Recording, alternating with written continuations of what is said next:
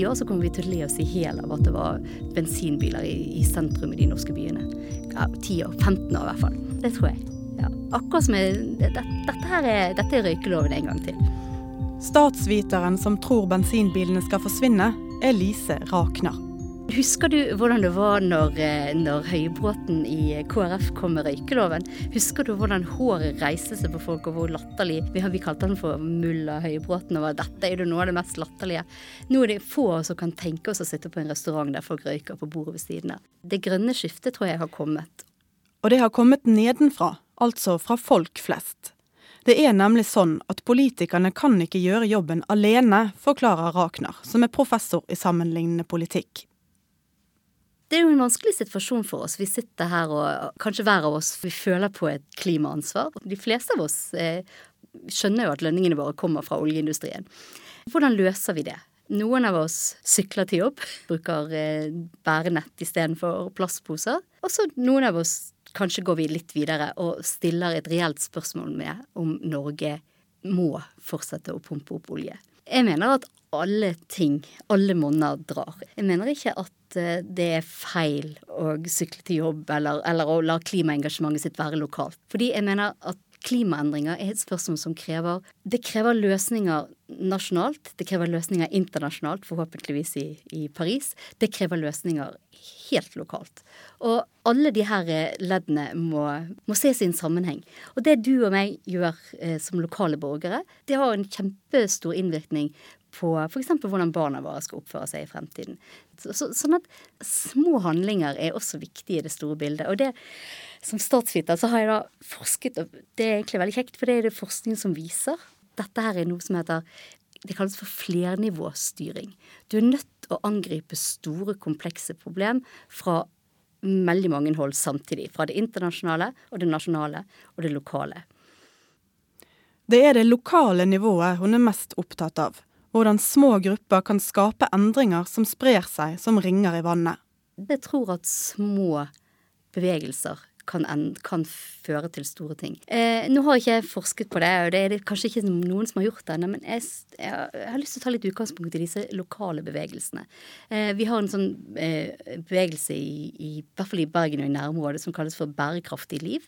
Og de har, det har vart i noen år. Og jeg mener at det er utrolig fascinerende å se hva en sånn Egentlig en sånn begynnende økologisk bevegelse har hatt å bety for både for nabolag, men også for en bevissthet i, de, i befolkningen som bor der. Og jeg tror at det har utrolig mye å si for skolebarn som, eh, som vokser opp der man stiller spørsmålstegn med en sånn konsumentkultur. Der man stiller spørsmålstegn med at eh, ting går i stykker, og derfor så må vi kjøpe nytt. Som vokser opp med en helt annen en annen type verdier. Og det går det an å gjøre i oljenasjonen Norge i en, eh, i en tid der eh, høy konsum står i sentrum. Så kan små bevegelser i, i nabolag faktisk endre holdninger. Nettopp denne tankegangen gjør også noe med hva hun tror klimatoppmøtet i Paris kommer til å bety. For heller ikke der står politikerne alene for resultatene. Tenk på det som et sjakkspill. Alle sitter der med brikkene sine og flytter litt sånn forsiktig på en brikke. Men ingen kommer til å flytte seg helt og forplikte seg helt før noen andre gjør det. Så det er et spill, ikke sant. Og hva som skal til for at spillet flytter seg markant, sånn at alle faktisk forplikter seg. Eller i hvert fall markante spillere forplikter seg. Det, det er ikke godt å si i dag. Men på en måte så så kan det høres ut som jeg tror at det har ingenting å si, det som skjer i Paris. Og litt sånn er det fordi det er ikke i Paris at politikken utspiller seg. Politikken utspiller seg etter Paris, før og etter Paris. Den utspiller seg på andre internasjonale arenaer. Den utspiller seg på nasjonale arenaer, ikke minst på lokale arenaer. Men det som er viktig, det er at vi kommer hjem fra Paris, eller møter det Hvis vi kunne få til en, en avtale som gir optimisme, som gir en følelse av at vi har flyttet oss noen meter fremover. Så jeg er litt sånn, hva skal jeg si, eh, forsiktig optimist. Klima- og miljøminister Tine Sundtoft har jobben med å føre forhandlingene i havn for Norges del. Og underveis må hun representere Norge både som oljenasjon og klimapådriver. Paradoksalt, ifølge Rakner. Ja, men eh, det, er litt, det er vel også litt av det som gjør dette mulig. Hun reiser ned og er, er Norge, men så når hun kommer hjem, så er hun bare en, en, minister i en stor regjering med masse andre spillere. Så det, igjen, det viser jo til at det er et nasjonalt spill, og så er det et internasjonalt spill. Og hvor mye hun forplikter Norge, og hvor mye Norge forplikter verden, det, det er litt usikkert. Balansegangen som Sundtoft må takle, der hun skal redde oss fra klimakrisen og samtidig beholde inntektene fra oljen, har gitt opphav til en bok. Det det er jo det, det, vi da i den boken vår har kalt eh, det norske klimaparadokset. Altså hvordan er det mulig for et bitte lite land som har en ganske godt informert befolkning, der flertallet er nokså overbevist om at eh, klimaendringer er menneskeskapte, og et mye større flertall mener at vi har en moralsk forpliktelse som nasjon til å gjøre noe med klimaendringene, samtidig som den samme nasjonen og befolkning synes at det er helt greit å fortsette å pumpe opp olje. Eh, et bitte lite land som er en klimaversting på eh, oljeutvinning, samtidig som vi har satt oss fore, og til, til en stor grad lykkes å være en, eh, en slags frontrunner på den internasjonale klima, eh, klimaarenaen. Eh, så det, det, var egentlig utgangspunktet for forskningsprosjektet vårt. Hvordan greier vi å, å, å leve med denne kognitive dissonansen, eller dette janusansiktet vårt? Og hvordan liksom Hvordan klarer vi å lure oss sjøl til å tro at dette er greit? Og hvordan har vi løst dette? Hvordan har vi løst det i politikken vår, og hvordan har vi løst det i den norske mediedebatten? Gjennom forskning har Rakner og hennes kollegaer funnet flere svar på dette. Både mediene og politikerne retter seg etter hva de tror folk er opptatt av. Klimasaken selger dårlig. Foran valget i 2013 så gjorde vi eh, dybdeintervjuer med norske politikere, altså fra ledere av norske politiske parti og ungdomsorganisasjoner. Det var før valgkampen startet. Vi spurte de eh, hva tror du, og hva mener du er de tre viktigste utfordringene verden og Norge står overfor. Alle minus ett parti eh, svarte hadde klimaendringer som en av de tre. Litt senere i intervjuene så spurte vi hva ønsker du, hvordan ønsker du at denne valgkampen skal se ut? Hva vil ditt parti, din ungdomsorganisasjon, satse på? Veldig overraskende så var det bare to parti et, en ungdomsorganisasjon og et eh, voksenparti som hadde klima som en av de tre sakene. Det er jo en, veldig spesielt. Altså, du mener det er den største utfordringen verden står overfor, men du skal ikke satse på det i, i valgkampen. Så det ble jo det naturlige oppfølgingsspørsmålet. Og da var svaret ganske enkelt at dette var ikke en sak man vant velgere på. Altså Politikere de opptrer i et marked. I det markedet er det slik at 10% av velgerne stemmer på, bein, på basis av et miljøengasjement. Og Da er ikke det noe man vinner stemmer på. Så med andre ord, folk flest har talt. De er ikke opptatt av klimaendringer.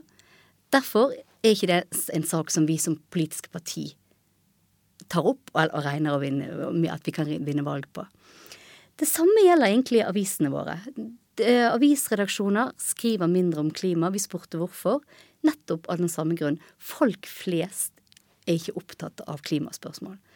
Så velgerne, altså de personene som vi har valgt til å representere oss og til å ta viktige avgjørelser på vegne av oss og på vegne av fremtiden, og avisene som skal på en måte fremme viktige syn, begge de instansene skyver oss, folk flest, foran seg.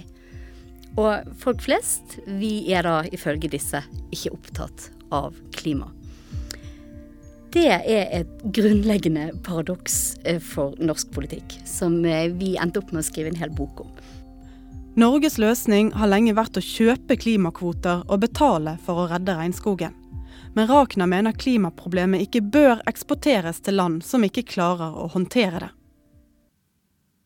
Utfordringene med Regnskogfondet, som, eh, så er det jo at jeg mener at Norge i altfor liten grad har tatt hensyn til skal vi si, styringsutfordringene som ligger i å overføre så store penger og insentiv. For det er jo det som har vært. Man skal gi penger, et, et insentiv til at man skal ønske å bevare regnskogen fremfor å drive eh, eh, jordbruk, ikke sant, eller drive eh, storskala jordbruk.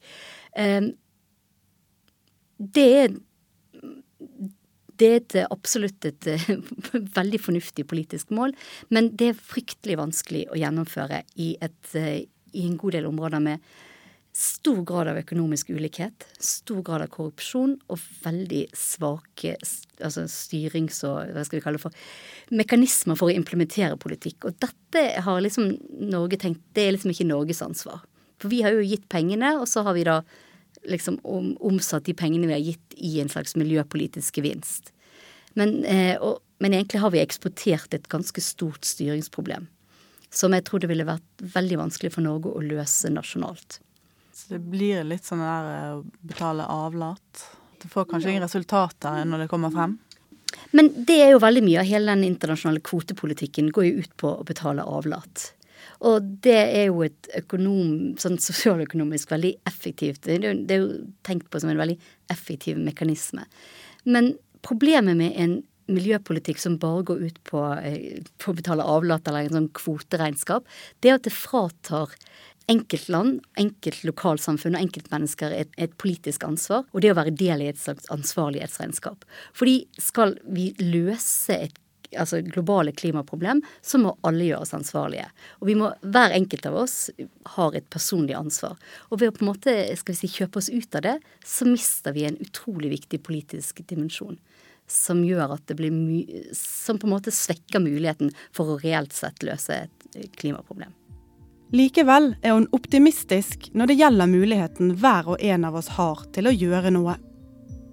Da er det litt sånn at det kan være nesten en sånn litt trøst i at selv om du ikke føler at du kan endre verden, så kan du endre du kan endre litt hvordan din rolle i verden skal være. Og det er faktisk også et viktig bidrag.